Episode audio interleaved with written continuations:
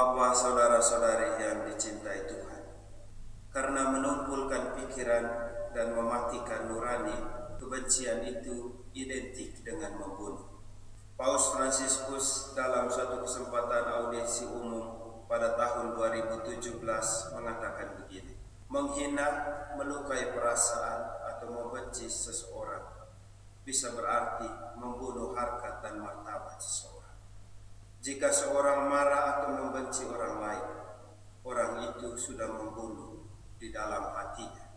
Apa yang dikatakan Sri Paus ini sudah dikatakan Yesus 2000 tahun yang lalu dalam khotbahnya di bukit.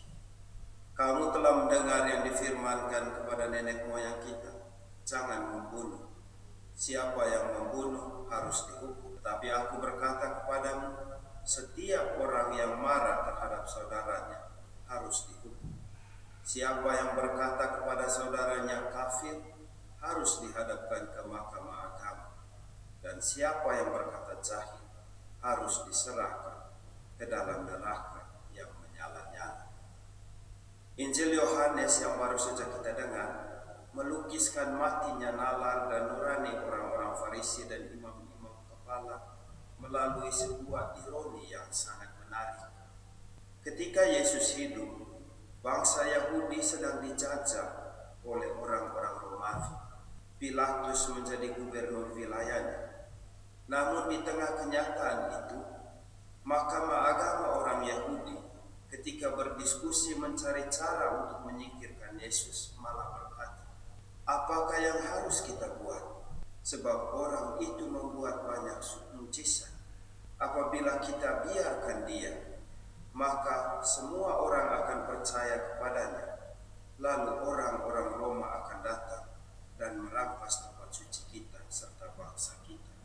Yesus harus disingkirkan agar bangsa Israel tidak jatuh ke tangan bangsa Romawi. Tepat pada saat bangsa Israel sudah dan sedang dikuasai bangsa Romawi. Sangat tidak masuk akal. Tetapi hal itu harus dilakukan karena mereka sudah terlanjur benci dan menganggap Yesus sebagai ancaman dan musuh terbesar mereka. Apa pun caranya, entah logis atau tidak, entah bermartabat atau tidak, tidak lagi menjadi bahan pertimbangan. Yang paling penting adalah Yesus harus disingkirkan dan dibunuh. Mereka pun akhirnya sepakat dan nekat membunuh Yesus.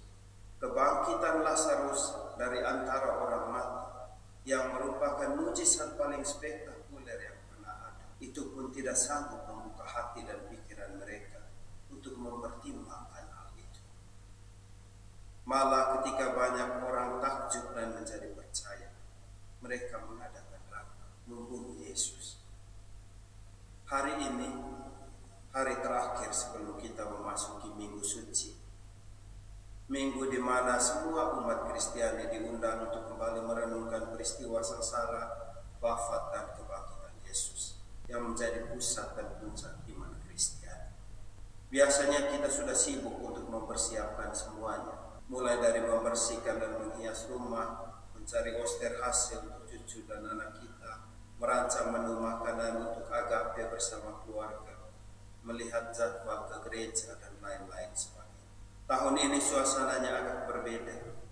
Kita tinggal di rumah saja, tidak bisa ke mana-mana. Tapi kita punya lebih banyak waktu untuk diri sendiri.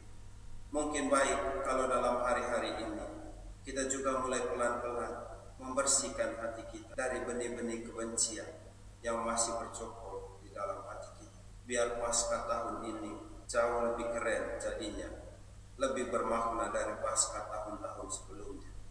Semoga Tuhan beri kita kekuatan untuk tidak hanya imun terhadap virus corona, tetapi terutama imun terhadap virus kebencian. Karena kebencian itu membunuh.